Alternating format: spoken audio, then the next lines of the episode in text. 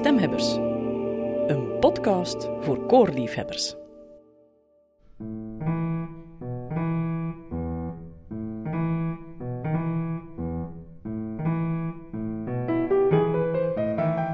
In deze aflevering ontmoet ik concertpianist Julien Libert opnieuw. Opnieuw omdat ik hem jaren geleden voor het eerst sprak in een klein kerkje in het Brusselse. Aan een kaduke piano gaf hij toen muziekles aan kinderen uit kansarme gezinnen. Dat hoorde bij zijn opleiding aan de prestigieuze muziekkapel Koningin Elisabeth in Waterloo. Een beeld dat je niet meteen zou verwachten van ondertussen een van onze grootste klassieke pianisten in dit land, maar het liet wel sporen na. Dat kunst en muziek de wereld kan redden is naar eigen zeggen niet zijn filosofie, toch is hij een fiere ambassadeur van Singing Molenbeek. Welkom bij Stemhebbers, met pianist Julien Libert.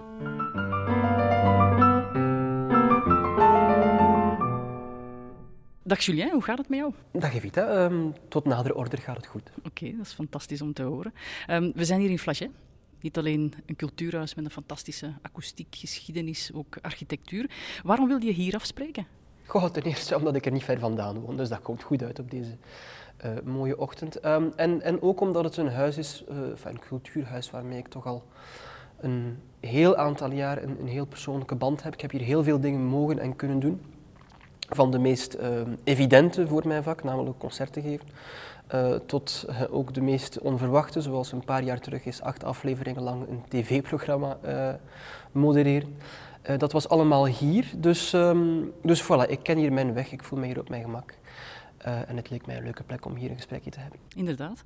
Je bent pianist. Je bent pianist ook in, in allerlei constellaties, zowel uh, solo, met orkest, uh, kleiner bezetting, ensemble. Ik stel die vraag omdat wij in deze podcast het over koren hebben en over koormuziek en de koorwereld. En zingen in een koor, dat is iets dat, dat samen gebeurt, dat heel harmonieus gebeurt. En ik wil eens weten hoe, hoe dat als muzikant voor jou is, als pianist. Is dat, is dat dan anders? Het is inderdaad zo. En, en pianist zijn is um, een, fundamenteel redelijk eenzaam bestaan. Omdat een piano is een orkest op zichzelf.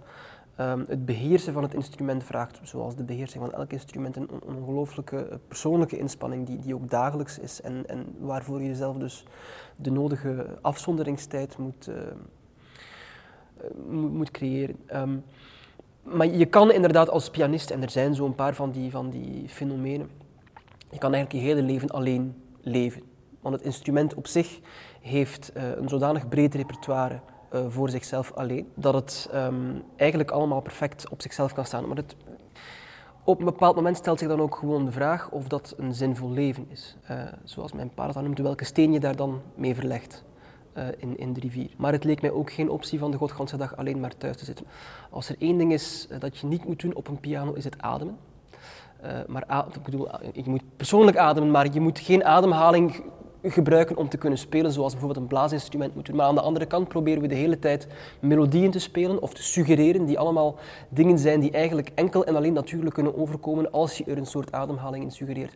Dus als je niet op een bepaald moment in contact treedt met muzikanten en met andere instrumenten die een andere manier van functioneren hebben, dan, dan beperk je je visie enorm. Dus inderdaad, dat verklaart voor een deel het feit dat ik naast mijn solo-activiteit heel graag met andere muzici samenwerk. Dat is het, het zuiver muzikale uh, gedeelte, of de, de, de, rijkdom die ik daar muzikaal uit haal. Um, en het is ook voor een deel de verklaring waarom ik uh, nu toch al een jaar of vijf uh, mij zo hard als ik kan, dat ik mij inzet in het, het koorproject in, in Molenbeek, dat een paar jaar opgestart is door een, een hele goede vriend van mij. Mm Singing Molenbeek, ja. Daar zullen we het zelfs over hebben. Hè. Um, maar we hoorden al heel wat voordelen uh, in deze podcast van onder andere uh, koorzangers, hè, van zingen in een koor. Het, het, is harmonieus, het heeft zelfs iets uh, spiritueels. Het zou ook een metafoor kunnen zijn voor een harmonieuze samenleving. Volg je dat? Ja, ik denk dat dat, dat, dat kun je eigenlijk uitbreiden naar het fenomeen muziek zelf. Elke maatschappij, elke samenleving in de geschiedenis en overal ter wereld heeft een bepaalde vorm van muzikale expressie ontwikkeld. En ik denk inderdaad dat het, fundamentele idee van, van muziek is, iedereen doet wat anders, maar als je het samenbrengt, dan klinkt het goed. En dat is op een bepaalde manier een, een, een redelijk mooie metafoor voor wat een ideale samenleving zou kunnen zijn. Iedereen doet zijn individuele ding, maar op een zodanige manier dat het als het te samenkomt iets, iets productiefs en, en harmonieus oplevert. Um, zang heeft dat bijkomende voordeel dat je geen enkel um, fysiek of extern instrument voor moet leren beheersen. Ehm, en dat je de, de, de, trilling van het orgaan dat je gebruikt heel diep in jezelf voelt. En dat het natuurlijk in, op een bepaalde manier ook een extensie is van gewoon spreken. Dus die, uh, die connectie met één, dat het zo wijd verspreid is. En twee, dat het ook een van de meest uh, laagdrempelige uh, instapmanieren is om, om zich een muzikale taal eigen te maken. Ben je daar dan soms niet jaloers op? Omdat jij toch op een, op een andere manier als muzikant werkt? Ik zing zelf veel. Um, ben ik daar jaloers op? Um, niet in zodanige mate dat het mij het leven ondraaglijk maakt. Um, ik heb altijd een heel grote aantrekkingskracht gevoeld van alles wat met stem en zang te maken heeft. Ook toen ik, toen ik jonger was, uh, luisterde ik veel liever naar opera of koormuziek of, of, bij uitbreiding kamermuziek en zo dan zuivere pianomuziek. Voor mij is piano echt altijd een, een instrument geweest in de strikte zin van het woord, een, een, medium, maar om iets te vertellen dat met het instrument niet noodzakelijk veel te maken heeft. Um, en ik blijf mij, dat, en dat is op dit punt echt wel zeer sterk um, deel van, van, van wie ik ben op zich. Ik moet daar niet meer echt bewust over nadenken. Ik blijf mij heel hard inspireren op alles wat met vocaliteit te maken heeft. Um, ook omdat, kijk, een, piano is een bak met 88 toetsen en evenveel hamers die op snaren slaan. Um, er bestaat niks a priori minder lyrisch dan een instrument dat vertrekt van zo'n concept. En de hele uh, moeilijkheid van de beheersing van, van de piano specifiek bestaat erin van op wat de facto een percussie-instrument is, een, zanglijn te kunnen suggereren. Uh, en je moet daar een hele grote affiniteit met alles wat uh, zang en ademhaling, wat ik daarnet ook zei, alles wat daarmee te maken heeft, moet je blijven cultiveren. En dat probeer ik dus te doen. En om de zoveel tijd in, in Singing Molenbeek, als ik naar de repetitie kan gaan, dan zing ik zelf even mee in kopstem of zo. Dus um, jaloers is een groot woord, maar ik blijf er mij aan, aan laven om te proberen een, laat ons zeggen, mijn, mijn, mijn vak waardig uit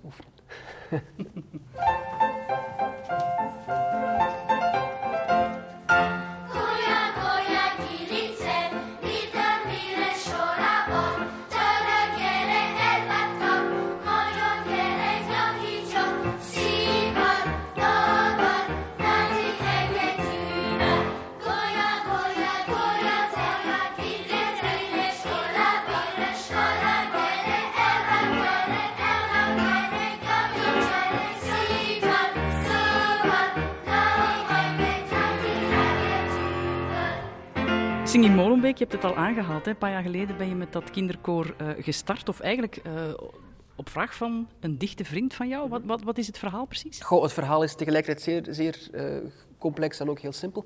Um, Zeno Popescu, die een, een, dichte vriend is en zodanig dicht, hij was getuige op mijn trouw, dat geeft u een idee van, van wie dat is voor mij, um, is, een, is exact tien jaar ouder dan, dan mij, is... Um, een soort romanpersonage. De man is uh, orthodox priester, hij is Roemeen. Um, hij is ook um, een amateurkok van Michelin-niveau. Hij is tenor, hij is zangleraar en hij heeft een, passie ontwikkeld voor het dirigeren van kinderkoren. En dan vooral van kinderkoren met kinderen uit um, ongebruikelijke... Uh, of van ongebruikelijke afkomst voor kinderkoren. Dat is meestal, we zijn hier in Brussel, het zijn meestal de kinderen uit Ukkel die zich inschrijven voor de kinderkoren van de Munt of zo.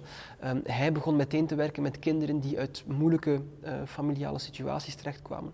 En om allerlei redenen is hij in 2015 begonnen in één schooltje, één gemeenteschooltje in Molenbeek, uh, met het geven van ja, een, een koorproject, het opstarten van een koorproject, um, ik geloof één of twee keer in de week over de middagpauze, voor wie zin had. Enfin, dat ging zijn, uh, dat ging zijn gangetje. En toen, in maart 2016, ontplofte Zaventem, uh, ontplofte de metro in, um, in Brussel. En uh, landde plotseling CNN en de BBC en Frans 24 en de hele wereldmedia in Molenbeek. Um, en werd ons verteld dat het ja, het, het terroristenhol van uh, Europa of van de wereld was. En toen dacht Zeno één, uh, misschien, weet ik veel, er zijn, kijk, de, problemen die er in Molenbeek uh, zijn, zijn, zijn bekend. Maar twee, het is niet alleen maar dat. en drie, als we met dit klein pilootprojectje dat we nu opgestart hebben vaststellen dat we na een maand of zes heel mooie resultaten hebben, zowel muzikaal als ook gewoon sommige kinderen die zich beter concentreren, zelfs in hun eigen uh, klassen en lessen. Uh, en dat je op de kleine concertjes die we al konden organiseren, dat je niet alleen de kinderen meekrijgt, maar ook de vrienden van die kinderen, de ouders van de kinderen en de vrienden van de ouders van die kinderen. Dan dachten we van kijk, um, hier zit misschien hier, hier, kunnen we misschien iets meer van maken dan het voorlopig is. En toen is het idee ontstaan van het um, redelijk proactief te gaan uitbreiden. Uh, en daar waar het in eerste instantie gewoon een, uh, een project in een school was, dachten we van kijk, er zijn 16 gemeentescholen in Molenbeek. Als we nu eens zullen proberen hier een olievlekje van te maken en twee, drie, vier, vijf scholen uh, te bereiken en daar hetzelfde te doen. En echt wekelijks of twee wekelijks heel gedisciplineerd beginnen uh, werken met die kinderen. Um, en in een tweede fase, als we dan, stel je voor, aangezien alle muzici die er voorlopig in betrokken zijn, uh, in, in de, de directiegedeelte, uh, allemaal professionelen zijn met toch een voet in, uh, in de, de, de, muzikale professionele wereld.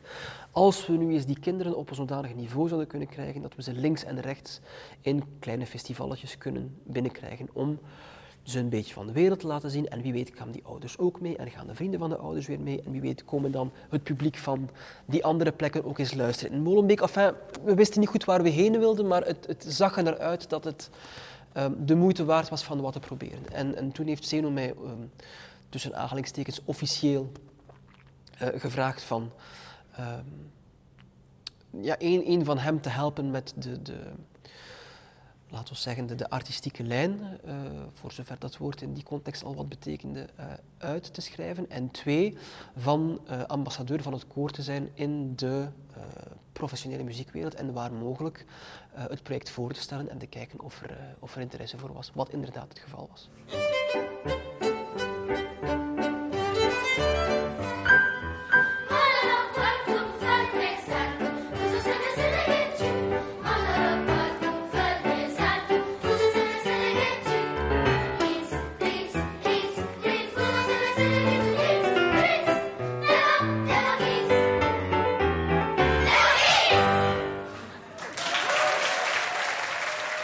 Zingen om samen te leven, zo klinkt de ondertitel van Singing. Molenbeek. Ja. Dat klinkt op de een of andere manier, klinkt dat, klinkt dat zwaar, is het woord niet, no, als een noodzaak. Ja, ik moet eerlijk zeggen, uh, Zingen om samen te leven is de, de naam van de, de VZW die uh, het project omkadert. Um, ik weet niet of ik er zelf zo gelukkig mee ben met die, uh, met die ondertitel. ze is wat ze is en, en ook daar weer what's in a name. Um, maar weet je, in, in het Frans en in, in, in, de francofonie wordt er al een jaar of tien ongelooflijk zwaar ingezet op wat zij daar le vivre ensemble noemen. En ik heb de indruk dat als, um, als vivre ensemble zo simpel was, dat we, dan geen, dat we daar dan geen fulltime inspanning van zouden moeten maken. Um, dus aan de ene kant begrijp ik wat ermee bedoeld wordt. Aan de andere kant hoop ik dat we ooit in een wereld terecht gaan komen waar, het, uh, waar samenleven geen uh, constante bezorgdheid is maar een evidentie. Um, en de idealist in mij hoopt dat muziek daar, daarin kan helpen. Uh, maar de uh, amateur geschiedenisliefhebber in mij weet sinds Auschwitz dat er geen enkele link is tussen een, hoge, een hoog niveau van cultuur en een hoog niveau van menselijkheid. Um, en het is dus maar de vraag, en ik blijf met die vraag zitten, met hoeveel enthousiasme ik ook achter het project sta. Het blijft maar de vraag hoeveel muziek effectief kan doen. Ik denk dat muziek veel kan doen, al is het maar omdat het um, je bepaalde, omdat het je een, een, een, bepaal, in een bepaalde as kan plaatsen. Uh, en omdat het je bij gebrek aan, uh, aan beter op zijn minst van de straat houdt en je met iets relatief onschuldig en, en mooi doet bezighouden in plaats van met iets dat misschien iets anders uh, of van een andere natuur zou kunnen zijn. Um, maar muziek kan zeker niet alles. Uh, maar goed, ik kan ook niet alles. ik en, en mijn collega's, wij zitten op plek X met onze competenties, met wat wij kunnen, met, met de, de, de zone waarin wij kunnen handelen. En daarin doen wij ons best. En al de rest, uh, dat is dan voor andere mensen.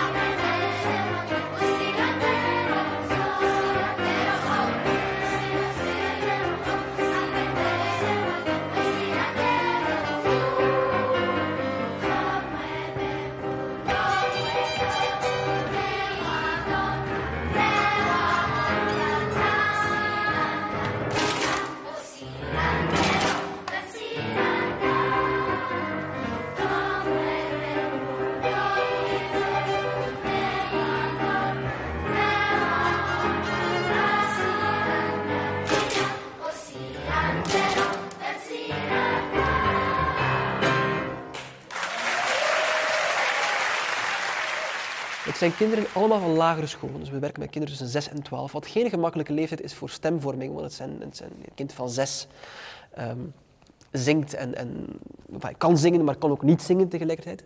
Maar ook daar weer zit heel veel um, van de waarde in, in wat er kan gedaan worden aan die leeftijd, in het, het installeren van een gewoonte. Um, eerder dan de vraag of die kinderen nu na, na, na, twee of drie maanden al perfect juist kunnen zingen. Dus het zijn kinderen tussen 6 en 12. Um, ehm, aan het begin van het schooljaar gaat Zeno door alle klassen heen en doet hij auditie. En dat is een, een heel uh, ludieke manier van doen. Hij haalt er een paar kinderen uit, hij laat ze een toon overnemen, hij laat ze een, een, toon doorgeven aan elkaar.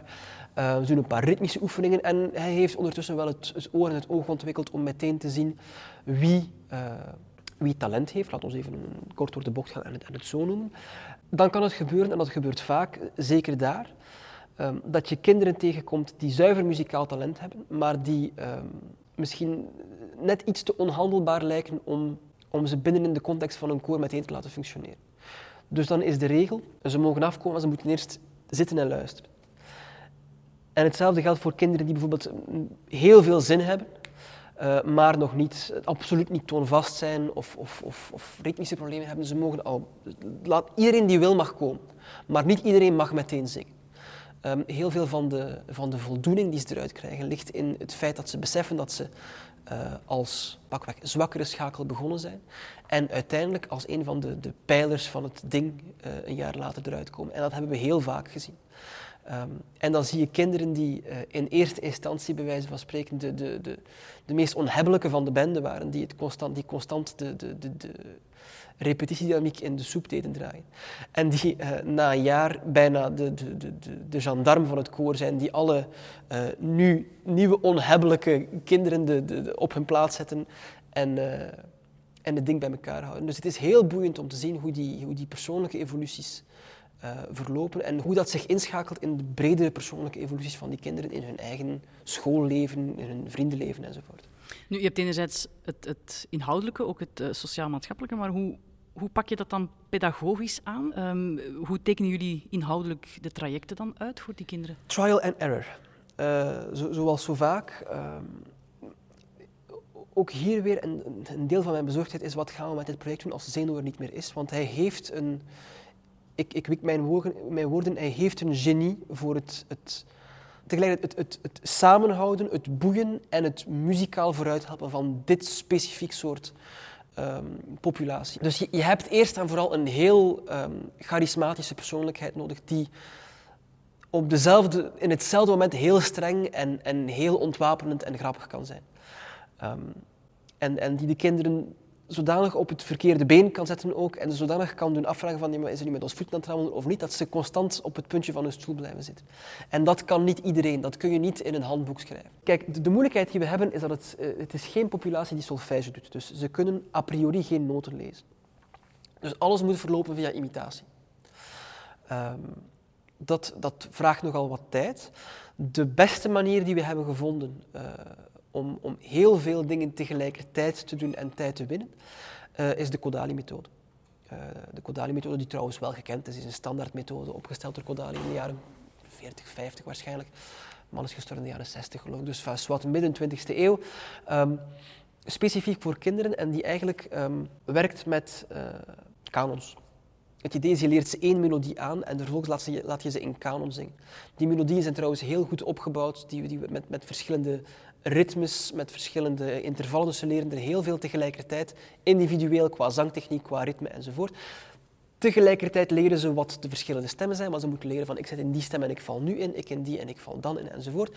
En ze leren een, een soort um, driedimensionaal uh, oor ontwikkelen voor wat er rondom hen gebeurt. Het is misschien grappig dat je zegt, hè, uh, het educatieve werk van Zoltan Kodály, um, Hongaarse componist, iets helemaal anders ook dan denk ik de afkomst van 100% van de leerlingen of de kinderen die zingen in het koor. Ja, dat is vanaf het begin een beetje de vraag geweest. Um, in, in welke mate proberen we van de, de verschillende culturen die Molenbeek rijk is te betrekken in het repertoire? Um, dat we brengen. Nu, het probleem daar is, is altijd geweest. Um, ik wil niet van dit project een zoveelste identiteit vehikel maken. Nog in de uh, strikt blanke westerse zin, nog in de strikt um, dogmatisch multiculturele zin. Uh, de bedoeling is altijd geweest van een, uh, van een waardevol, hoogstaande, muzikaal, hoogstaande muzikale opleiding aan te bieden aan kinderen in een, um, in, een gemeente waar die cultuur zich niet meteen uh, manifesteert. Um, en van daar niet te veel van af te wijken ten voordele van van wat dan weer een heel politiek getinte lezing zou kunnen worden van, van het hele verhaal.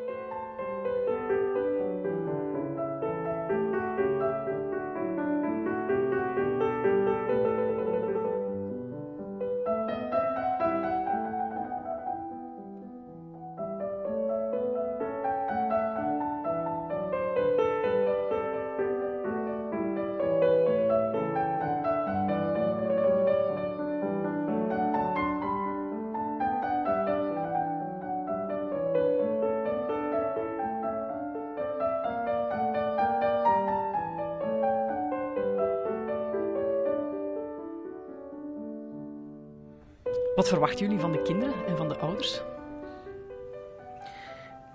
Op een bepaalde manier verwachten we niet meer of minder van hen dan wat je van gelijk wie verwacht die zich inschrijft in een bepaald project. We verwachten dat ze er zijn, dat ze hun best doen, dat ze, um, dat ze loyaal zijn, betrouwbaar, dat ze de, de, sfeer in de groep niet verpesten. Um, er zijn al een paar momenten geweest waarop dat we gewoon niet zeker waren hoeveel kinderen er zich zouden uh, aanmelden voor het concert of, of, aan de bus die naar het concert zou gaan. Uh, maar alleen na vijf jaar moet ik zeggen, we zijn al vaker, uh, we zijn al veel vaker gestresseerd geweest dan effectief ontgoocheld. want heel vaak gebeurt het dat Zeno aan de bus staat te wachten en dat het ongeveer afspraak is. Dat we zegt van ik weet niet hoeveel er hier gaan zijn. Ik hoop tien, zeg maar wat en dat er uiteindelijk 30 afkomen.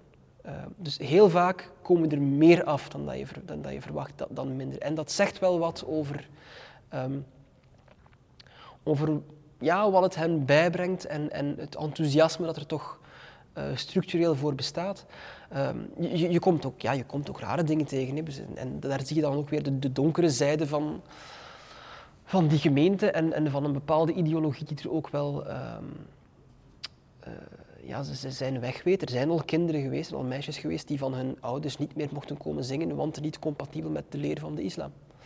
Um, en, en dan, dan, dus dat is van die hartverscheurende tafereelen waarin dit kind vraagt van mag ik nog één keer naar de repetitie komen meezingen en dan definitief niet meer.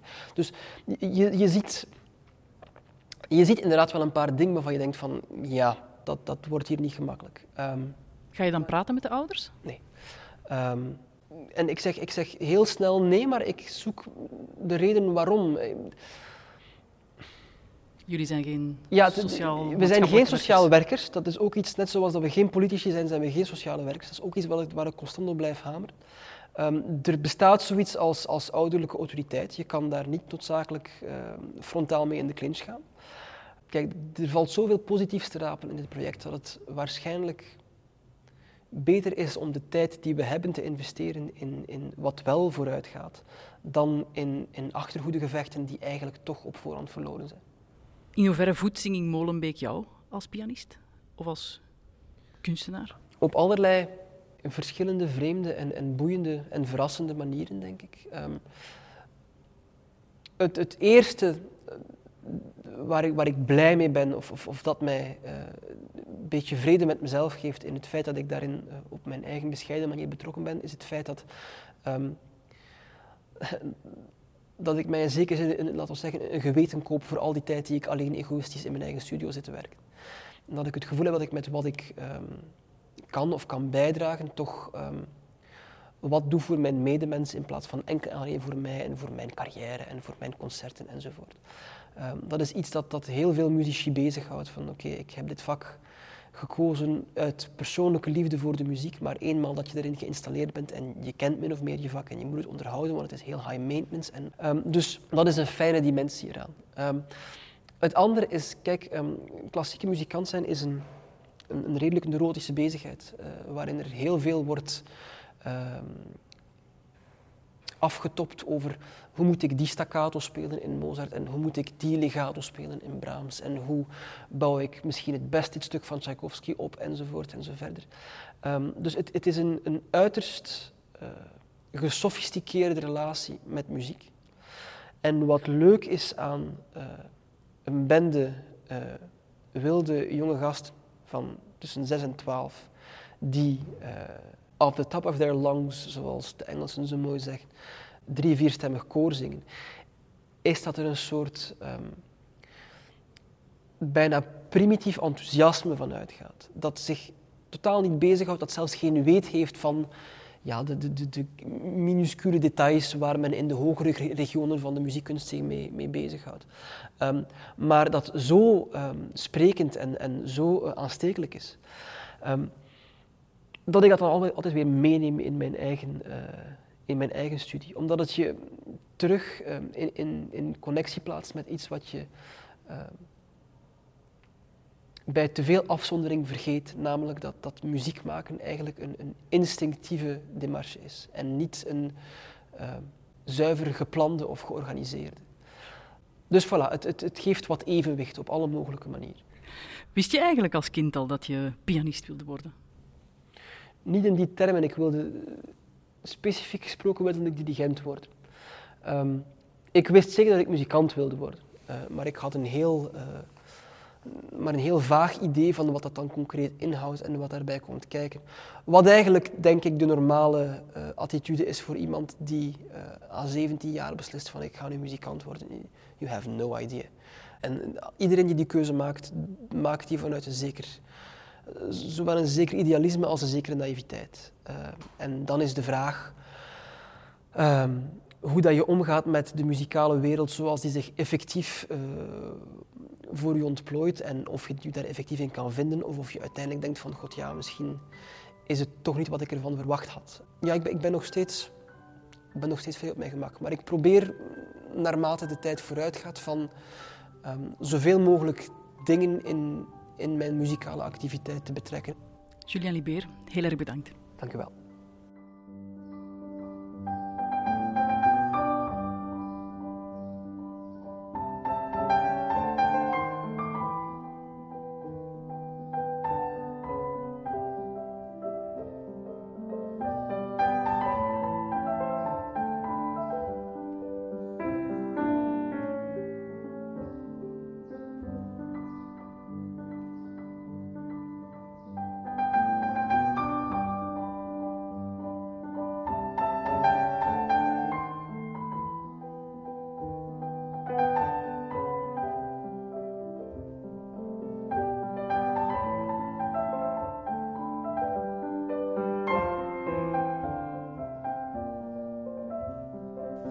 Luisterde naar Stemhebbers, een podcast van mezelf, Evita Nocent en Ans de Bremme voor Koor en Stem. Veel dank aan onze gast Julien Libeer, Nicolas Calot en Govard Taché. Onze jingles zijn van Noah Thijs. Je hoort het kinderkoor van Singing Molenbeek en ook een Allemande van Johann Sebastian Bach en een cover van Blackbird van Paul McCartney. Beide door onze gast aan de piano.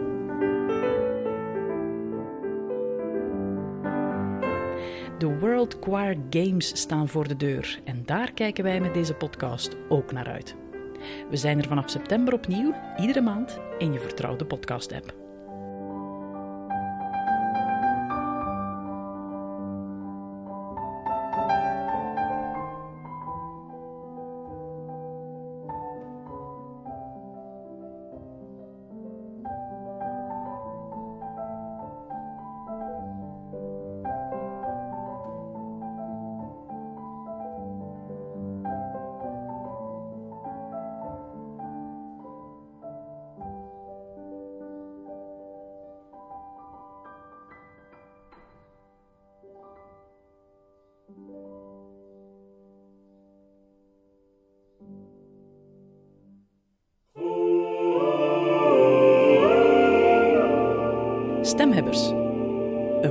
Podcast voor koorliefhebbers.